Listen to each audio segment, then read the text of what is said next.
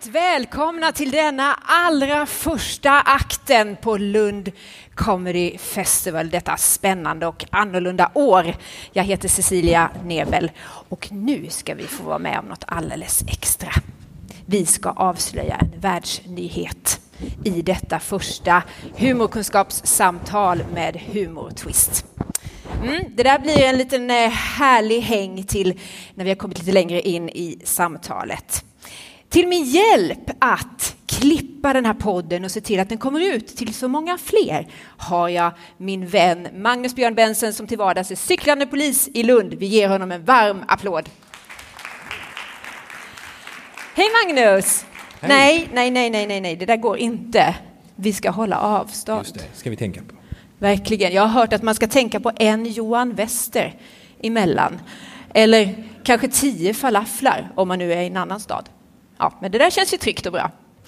Hörde du Magnus, vi ska ju prata idag om mumier och uppgrävda lundahistorier. Och jag tänker som polis, händer det att du blir, blir utslängd på sådana larm att du ska försöka eh, skydda och bevaka kvarlevor på något sätt? Ja, faktiskt. Eh, två tillfällen har, jag, eh, eh, har de ringt eh, Vår ledningscentral säger att nu har man hittat ben någonstans. Är det eh, sant? Ute i bedesticket någonstans här ute i Skåne. Så eh, Men du, då går väl pulsen upp lite grann, eller? Ja men det är väl klart, du vet, det är ju, tänker man ju, oh, nu blir det ju avspärrningsband och eh, sådana teknikertält och så här. Va? Tänker man kanske det är en Ja. gammal eh, försvunnen kung kanske man hittar eller något ju. Eh, åker dit, eh, jättespännande, man tar en bild, så man får inte röra, tar en bild och så eh, skickar vi det till en osteolog. Ah, svårt ord, osteolog. Ja, Ja, de, har, de kan ju det här med ben och så. just det. Det, det tar inte många sekunder så bara, nej det är en kossa. Nej, Båda, båda gångerna. vilken sjuk besvikelse. Mycket. Men eh, det är bra ändå. Man får vara glad att det inte är något eh, värre ju. Nej, rätt vad det är så händer det. Ja. Och just det där ska vi få höra om nu. Så jag tackar dig så länge. Tack, mycket. Magnus, vi ger honom en applåd. För man blir lite nyfiken. Vilka ledtrådar kan arkeologiska fynd ge om vår historia? Och hur är det möjligt att det man har stirrat på i 200 år faktiskt kan dölja en helt annan sanning än den man först trodde? Och hur tänker en livslevande arkitekt om det som man ritar idag? Tänk om någon kommer att gräva upp det där om tusen år. Vad kommer de att förstå då?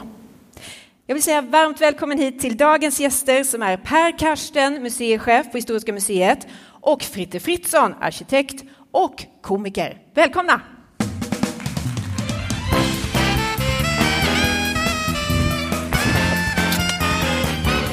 Hej! Hej!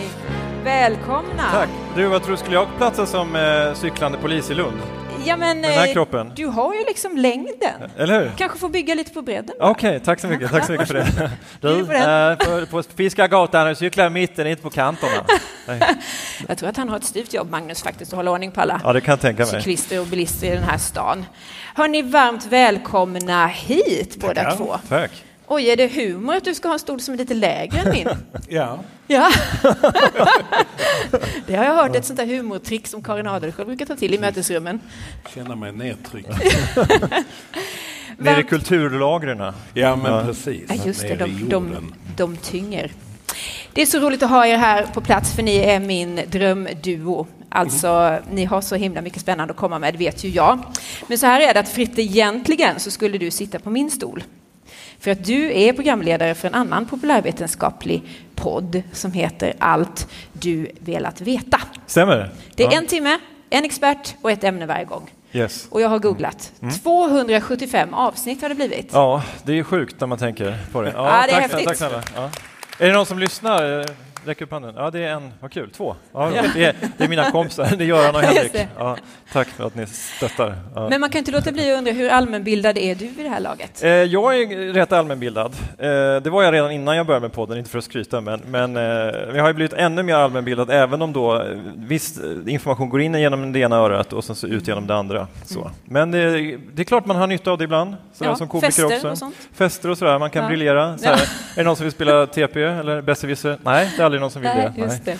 Men i ditt komikerliv tänker jag, det måste vara en härlig källa att ösa ur. Ja, det kan ju vara bra. Om man är ute och, och så är det någon från Lysekil i publiken kanske, så kan man säga vad kul då de där fyrarna som leder in i Brofjorden, brandskärsbrott och dynaflak kan man säga. Då. Och så sitter alla andra, varför, varför pratar han om detta? Och han från Lysekil undrar också samma sak. Så det, så det har man väldigt mycket nytta av faktiskt. Så har man Absolut. plockat några poäng. Eller hur? Det. Ja, det är ju fantastiskt. Och Per Karsten, du är filosofidoktor i arkeologi och chef för Historiska museet här i Lund, Japp, vid Lunds universitet. vid Lunds universitet. Och det som ni två har gemensamt, det är ju er passion för att liksom få ut forskning och ny kunskap till allmänheten. Och det här med historieämnet, det verkar jättetacksamt. För att i podden eh, har ni ägnat er mycket åt det. Det har varit mycket fältslag nu här sista tiden. Och mycket mumier. Yes. Varför är mumier generellt så intressanta? Om jag börjar med dig.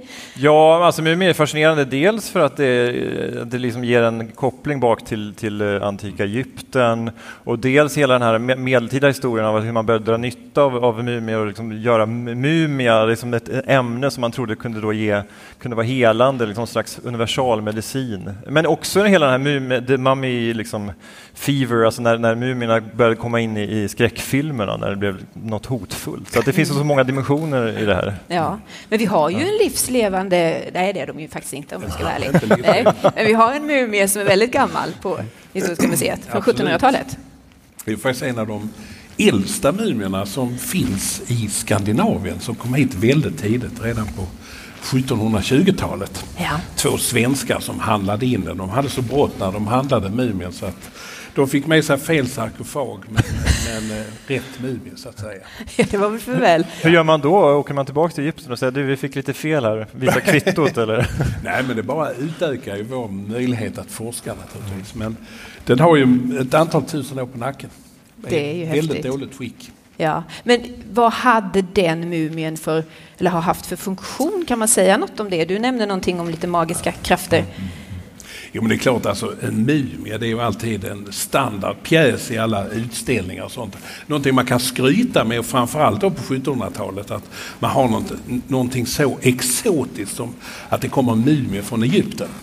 Men ni känner kanske till att stadsläkaren Kilian Stobaeus, som sen blev rektor för Lunds universitet, 1735, han, eh, han hade nog andra intressen. Han var ju läkare och han, jag tror att huvudsyftet med att införskaffa och utnyttja den här mumien, det var faktiskt att äta upp den. Nej, Åh, sa du äta upp den? Ja, Alltså det är så äckligt. Läbbigt alltså. Ja, men, Alltså- men du får förklara vad då? Ja, Mumien blev ju inte en del av den historiska eh, utställningen egentligen, utan tillhörde mer farmakologin. Man ville utforska och se, precis som eh, Fritte här säger, eh, kolla runt liksom, vad är det för medikamenter man kan få ut det.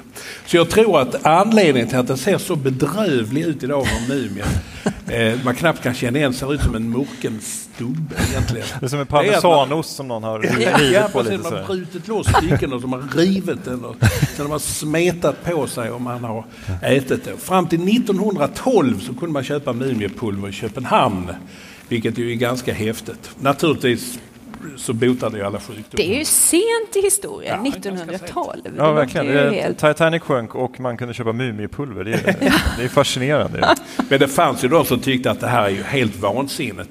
Stobaeus hade ju sin nära vän och kollega Johan Lecce som faktiskt skrev en hel avhandling om den här mumien.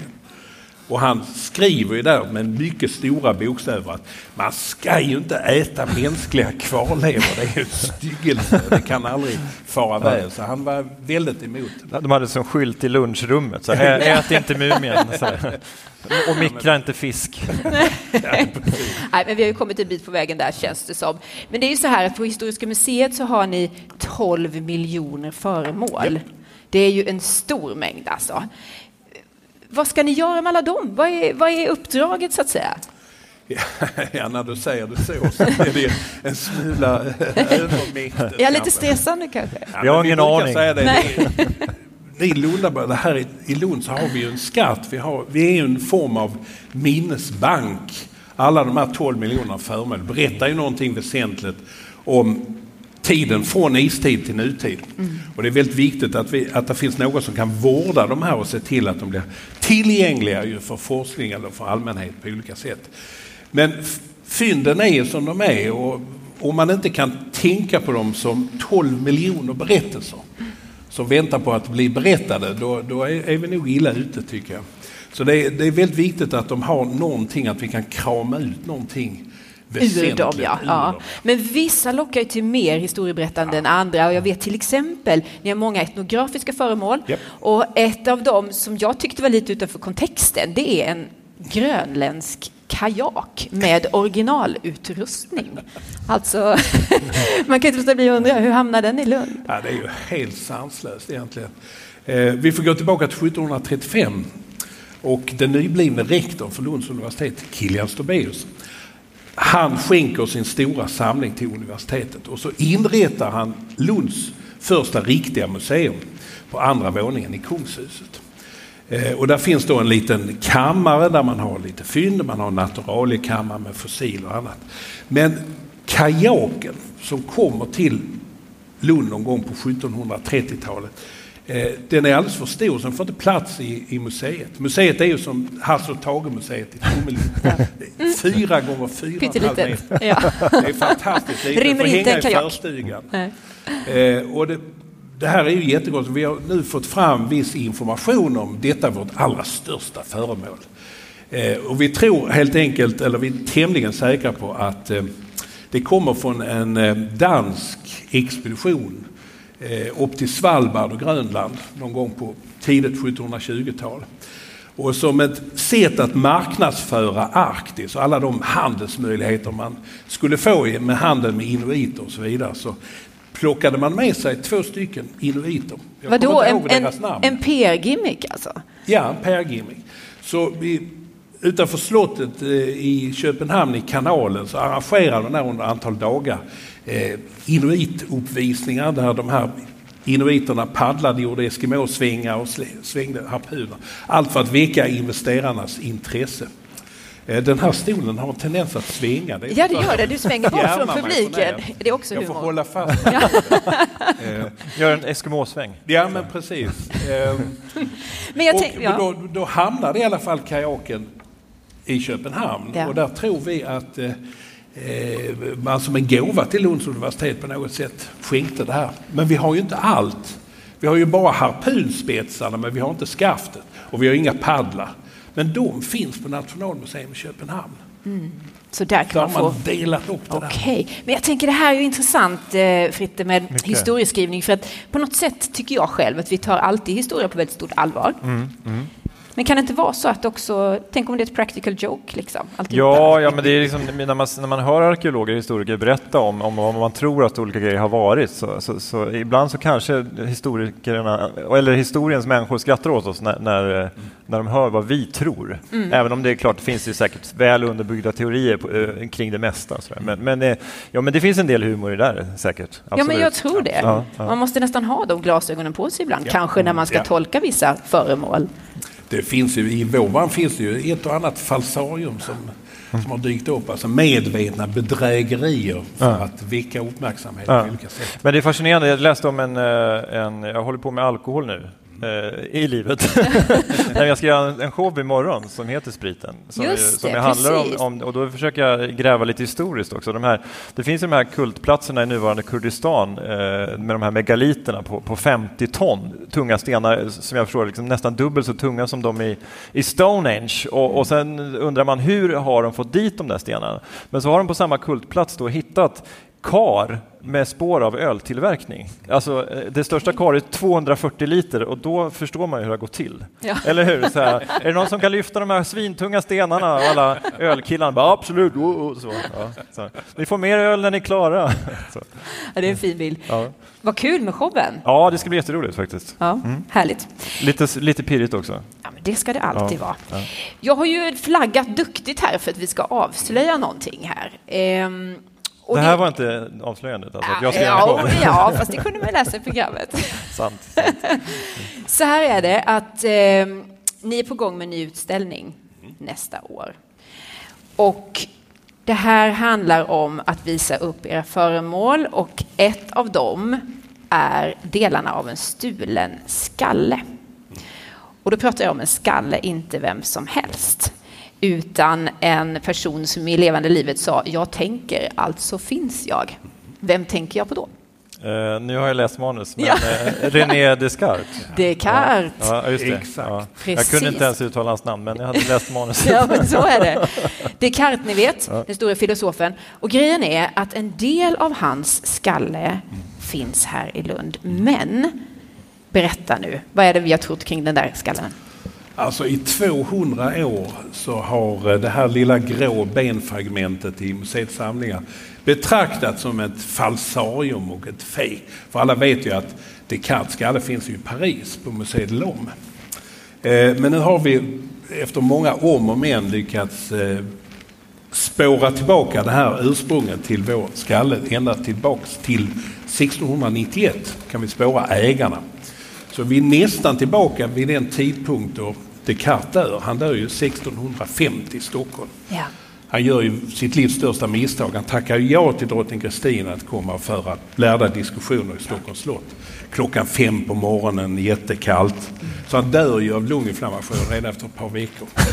Eh, Så det var ett jättemisstag. Men hans eh, skalle blir alltså stulen av en kapten eh, Isak Planström 1666 i samband med att man ska föra kvarlevorna tillbaks till Frankrike. Det är en, en otroligt upphöjd person på många sätt. Man undrar hur det gick till. Man skulle vilja höra polisen Magnus analys. Ja. Stölden av Ja, men skallen. Men det, det fanns något värde i det alltså, Ja, det att, att lägga beslag på den. Och han Plansson, det verkar som att han, eh, han råkar på obestånd i alla fall mot slutet av sin levnad. Så att man räknar med att dödsboet för den här kaptenen eh, bestämmer sig för att springa skallen som det heter. Man tog helt enkelt skallen och fyllde den med en massa fröer och sen hällde man vatten på. Eh, och så svällde fröerna och då sprack skallen upp i de här sömmarna som vi alla har. Så av en skalle så blir det sex stycken fragment. Och det är precis vad som står på skallen. Fin skrift som står Cartesi dödskalla nummer sex. Så förmodligen har vi det sjätte fragmentet här i Lund. Så det finns ju naturligtvis bortglömt någon annanstans i Sverige ytterligare fem Wow. fragment. Men det är ett supermysterium. Alltså om och när man hittar de andra. Ja, precis. Allting trasslas ju till. Det här fantastiska benet som faktiskt Lunds universitet helgade som en, en äkta relik av Descartes ända fram till 1819. Vad händer då? Jo, då är det ju en eh, berömd kemist som heter Jöns Jakob Berzelius som åker till Paris. Och där får han reda på historien att när man öppnade Descartes skalle på 1790-talet, då saknades ju skallen och det var en stor skandal. Och då tänkte han att det här ska jag göra allt för att sammanföra skallen med kvarlevorna. Och då är det ju nästan som en skröna att han åker hem till Sverige och redan efter några dagar så tittar han i tidningen och står det en annons. Cartesius skalle säljs nu på auktion. Nej! Han såg ju till då att få tag på han som hade köpt den och eh, övertalade honom att lämna över den till Berzelius. Som sen lämnade den till Paris och Frankrike och alla är nöjda och glada. Och idag befinner ju sig skallen på Museet Lom och tittar där den är fylld med text, alla ägare. Ja. Och då har vi nu konstaterat att de namn som finns på Parisskallen eh, eh, kan inte kopplas till det utan de är kopplade till vår. Så för att vara lite tydliga här, vi har länge trott i, hur många år som helst Ja. att vi har alltså en kopia eller en slags falsk, falsk del av Ja. Descartes skalle. Men nu har ni kunnat slå fast att den riktiga skallfragmentet Ja, är här. Lösningen var ju, när jag kom som museichef för 16 år sedan, då var en av de första grejerna var att jag hittade en, en handskriven lapp i kraniet. Och den hade ju lösningen på hela problemet. problemet. Fullständigt perfekt lundensiskt. Där stod nämligen Descartes skalle som ung man. Eh, så då, då hade vi alltså den unge Descartes skalle medan den äldre Descartes begravd i Paris. Det var en briljant lösning. naturligtvis. Ja. Men det, det liksom förstärkte den här bilden av, av att eh, det här är ett falsarium. Det är ingenting. Det står ju också i många andra artiklar. Står falsarium. Men vad var den här, han som eh, trodde att han hade Descartes skalle då, eh, och som, eh, den som slutligen kom till Paris. Vad var hans eh, proveniensbevis? Var det, bara- är det, är det Descartes skalle? Ja. Eller? Ja, vi tror att hela historien fabriceras någon gång på 1780-talet. Ja. Eh, då, då, skriver man ner en, en vers och man skriver ner alla personer som historiskt sett har ägt. Eh, och då blev vi misstänksamma och tänkte att ja, det här stämmer ju inte med de historiska källorna. De namnen är ju i själva verket kopplade till just det här fragmentet som uttryckligen säger också att det är en bit av en skalle, det är inte ett helt kranium. Nej. För det är helt nämligen i, i Paris. Har ni pressat eh, museet i Paris på att de, de måste skriva om sina skyltar och sådär? Eller? Knappt vågat.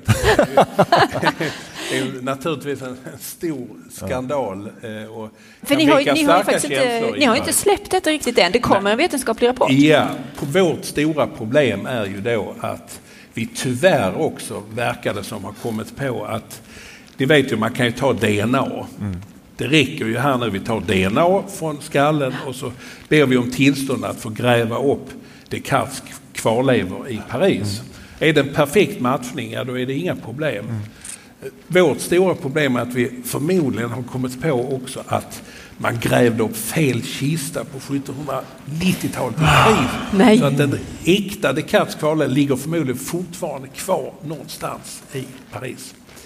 Eh, så att det, det, är en sån där grej som polisen i Paris drömmer om att få ja. ett samtal om. Vi har ja. hittat ett skelett. Så lösningen blir naturligtvis, jag bett min kollega Torbjörn Ahlström som är professor i osteologi här på universitetet att kontakta sina franska kollegor i det här ärendet.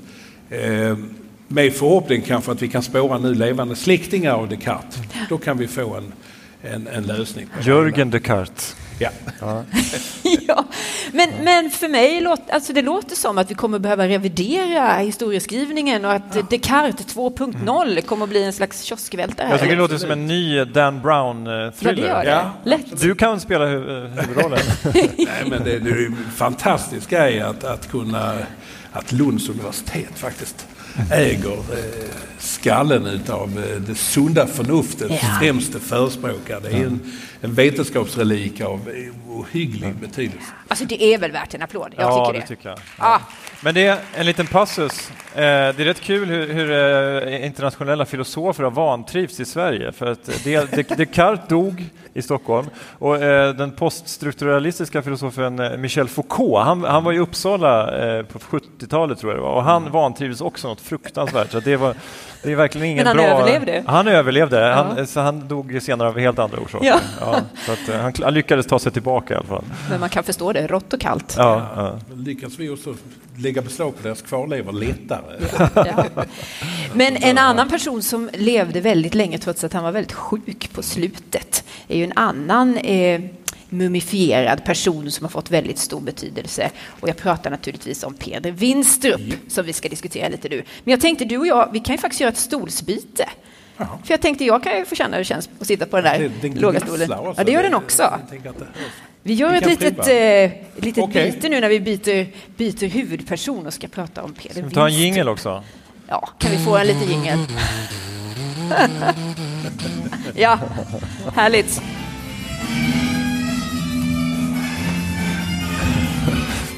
Publiken går ju bananas.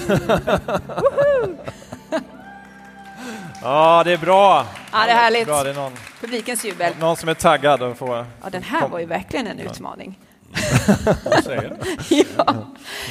Så här, biskop Peder Winstrup, han låg mumifierad i en ekkista i Lunds domkyrka ända fram till 2014.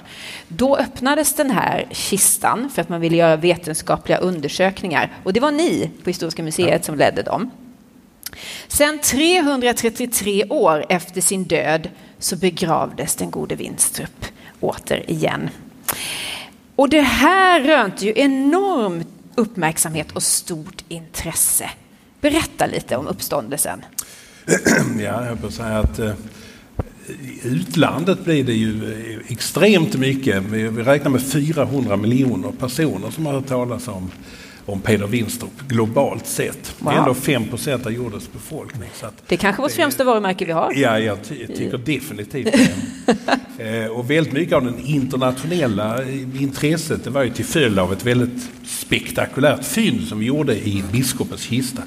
Nämligen ett undansmugglat människofoster som hade fått följa med biskopen. Det blev väldigt, väldigt många spekulationer här om det är biskopen själv som var pappan eller Ja. på vilket sätt. Men vänta nu, alltså ni öppnade kistan och Ja. då hittade ni... Ja, då hittade vi undangömt under madrassen i innerkistan, under biskopens fötter, så fanns det ett, ett litet mumifierat sex månaders människofoster. Wow!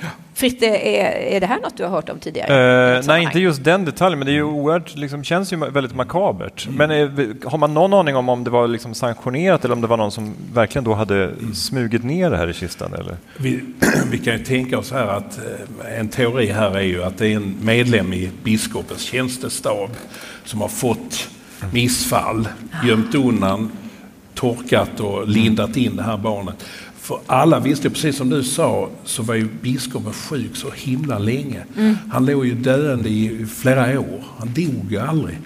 Som hade gott om tid på sig att Ja, förbereda men detta. Då kan man tänka sig då att man i samband med att passa på att smuggla ner det här fostret i kistan. För vilken bättre följeslagare kan detta odöpta foster få i det andra livet? Ja, just det. Så det är ju, det är ju snarare en, en, en, en kärlekshyllning.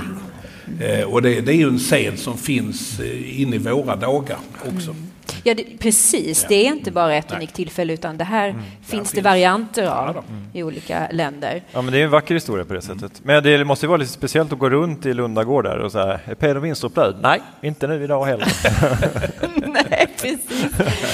Men jag tänker att vi vet ju att han, han hade enorm betydelse, Peder Winstrup, i, i livet. För det var ju han som övertalade kungen Ja. att öppna universitet här i, i Lund. Och det är ju i och för sig en spännande historia det också. Men det ska vi ta en annan gång. För jag är lite mer nyfiken på vad kom han att betyda som död? Eh, Ja, det är ju så att när vi öppnade Winstrups kista egentligen så, så såg vi ju inte bara en väl bevarad kropp. Utan vi såg mängder med andra saker som på olika sätt berör egentligen alla vetenskapsgrenar. Här är en kropp med fantastiskt eh, välbevarade inre organ. Vi trodde ju alla att han skulle vara balsamerad, det vill säga att man hade tagit ut alla organen. I själva verket fann, fanns allting kvar. Lungor, hjärta, eh, pulsådrar och så vidare. Eh, en gallblåsa som var fylld med stenar till exempel. Och det gjorde ju att undersökningarna av hans kropp kunde ju ge helt nya eh, idéer kring 1600-talets hälsa. Eh, och det fanns välbevarade textilier. Den enda bevarade biskopsdräkten vi har eh, från den här tiden. Vi hade en träkista och framförallt det kanske lite äckliga i sammanhanget, nämligen eh, begravningsmadrassen eh, madrassen och kuddarna. kan man tycka då, "Uff, vad ska ni titta på det för? Men de, det var ju fyllningen i dessa kuddar och madrasser som, som var helt mindblowing. För här fanns då inte mindre än 55 olika växter representerade. En ögonblicksbild från 1679.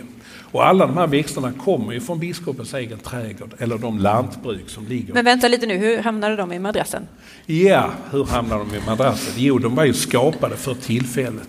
Man eh, gjorde de här madrasserna för att biskopens kropp skulle vila vä- värdet, men också för att hålla insekterna borta. Eh, på den tiden var det ju viktigt att man låg på lide parad. När man hade dött så skulle ju folk lång vägar ifrån kunna komma och betyga sin aktning. Och det tog ju lång tid att resa på 1600-talet. Så eh, därför så satte man igång en lufttorkningsprocess, inte helt olikt serranoskinkor. eh, och det är helt enkelt genom att med regelbundet luftdrag få bort all vätska ur kroppen.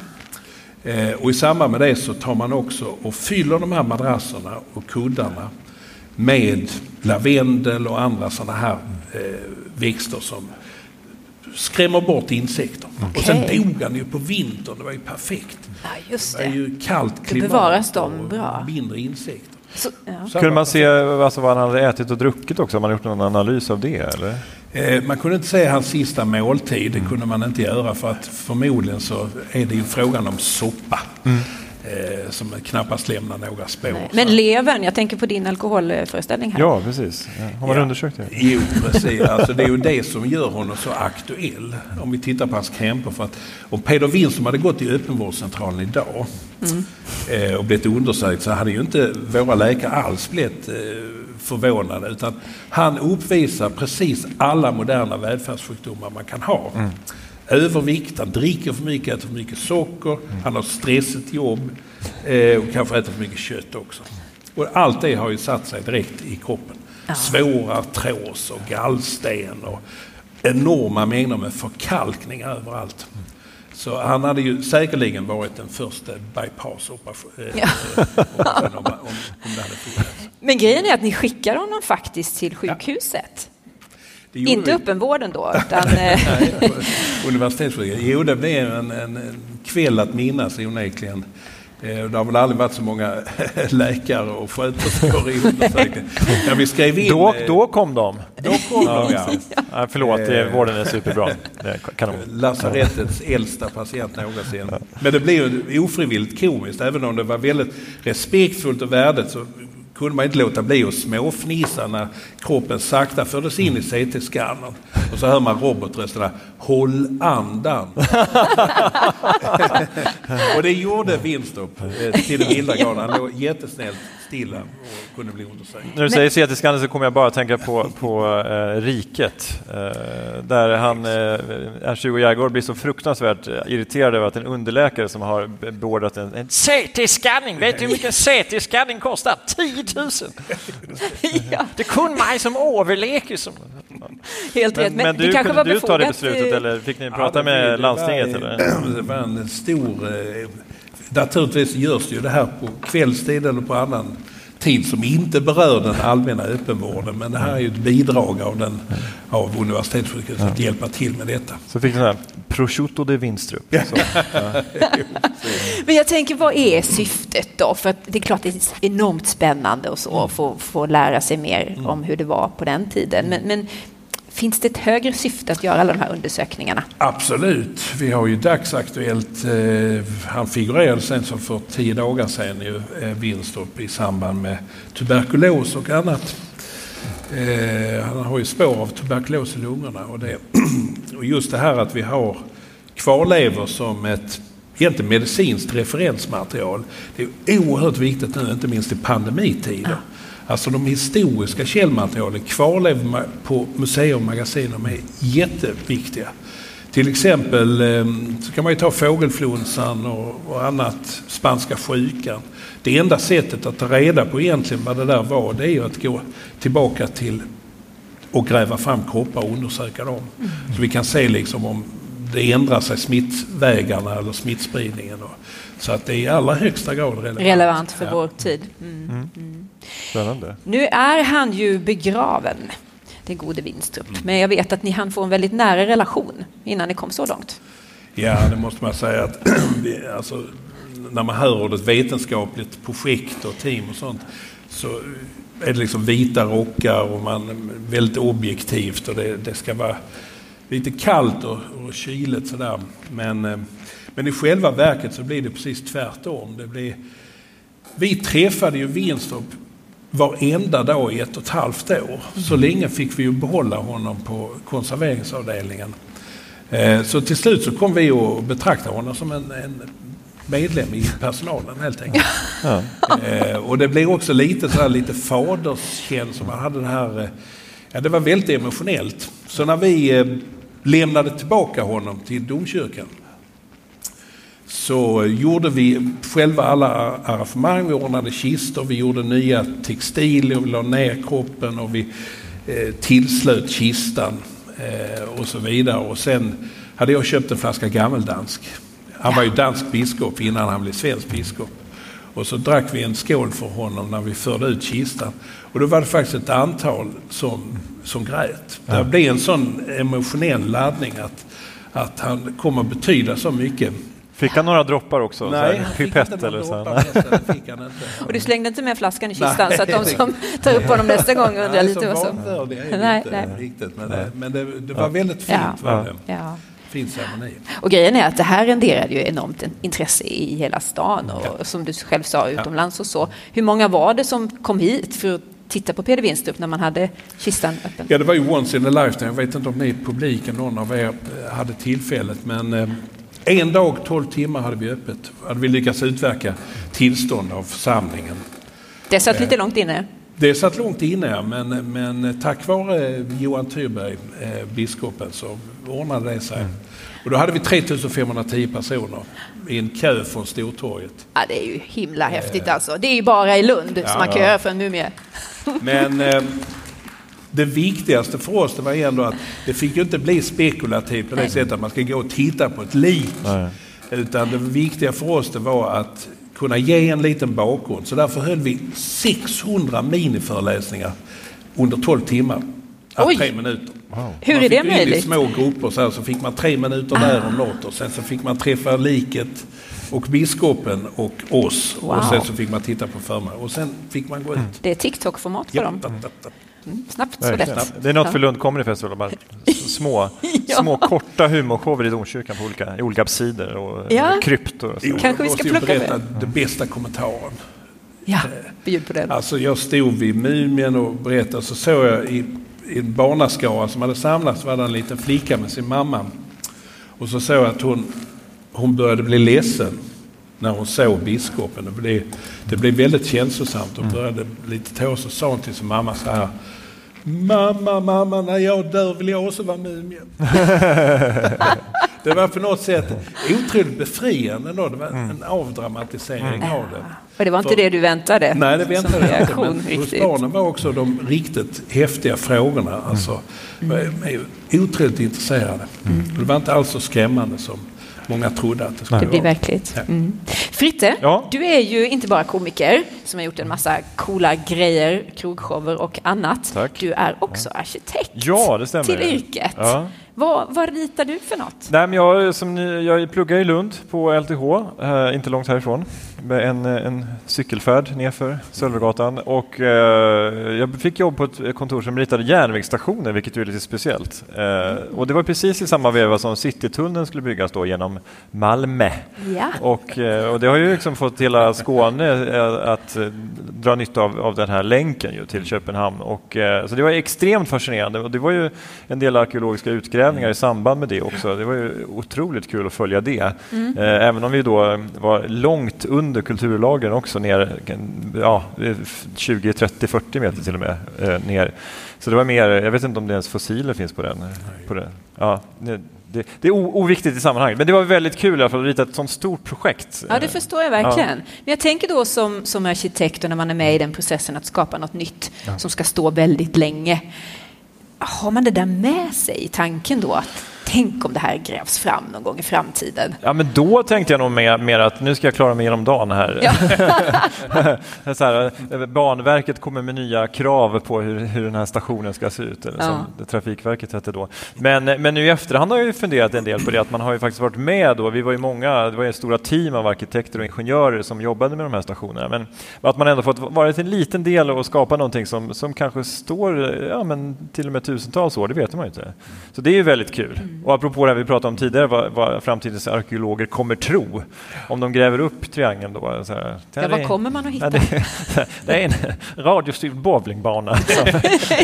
det var en kultplats på, på 2000-talet. Det man inte förstår blir alltid religiöst eh, rituellt. Ja, men lite så. Lite så, lite så. Men, eh, men det är rejäla konstruktioner så de kommer nog stå ett tag framöver i alla fall. Mm. Mm. Är det störigt när man ska bygga nytt att man måste lägga massa tid på arkeologiska utgrävningar? Nej, personligen tycker inte jag det. det är, eh, I en stad som Lund, det är, det är väl, man, man, får gilla läget helt enkelt. Det är ofrånkomligt att ett Lund är en, en, stad med kulturlager och då får man jobba lag efter läge helt enkelt. Eh, det är klart att man, man, ibland vill att det ska gå snabbare, men det tror jag att de flesta ändå är helt okej okay med faktiskt. Ja, det ja. tror jag. Och man hör ju nu hur viktigt det är faktiskt för att ja. vi ska lära oss. Mm. Men som med alla samhällsbranscher så även arkeologer har fått förändra sig så att det går ju väldigt snabbt idag. Där mm. det är eh, Länsstyrelsen som reglerar arkeologin. De är väldigt tuffa när det gäller Mm. tidslinjer och annat. Så man jobbar under en enorm press.